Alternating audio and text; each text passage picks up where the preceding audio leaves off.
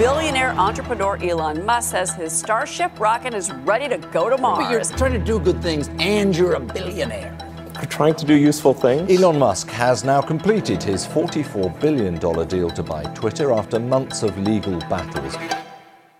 Hij maakt elektrisch rijden sexy en wil de mensheid naar Mars brengen.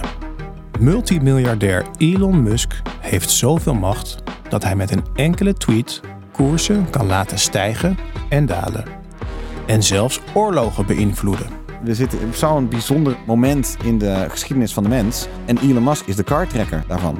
Hoe werd hij de rijkste mens op aarde? Als jij sinds de dag dat Jezus geboren werd 300.000 dollar per dag had gespaard, dan had je nu nog geen 230 miljard gehad. Waarom kocht hij Twitter? Musk vindt het vrije woord zo belangrijk dat hij het koopt. En is het verstandig om één mens zoveel genialiteit toe te schrijven? Hij zit gevangen in een soort jongenstroom. Heel aantrekkelijk. Alleen het is een beetje eng als dit soort science fiction manier van denken gepaard gaat met miljarden en heel veel macht.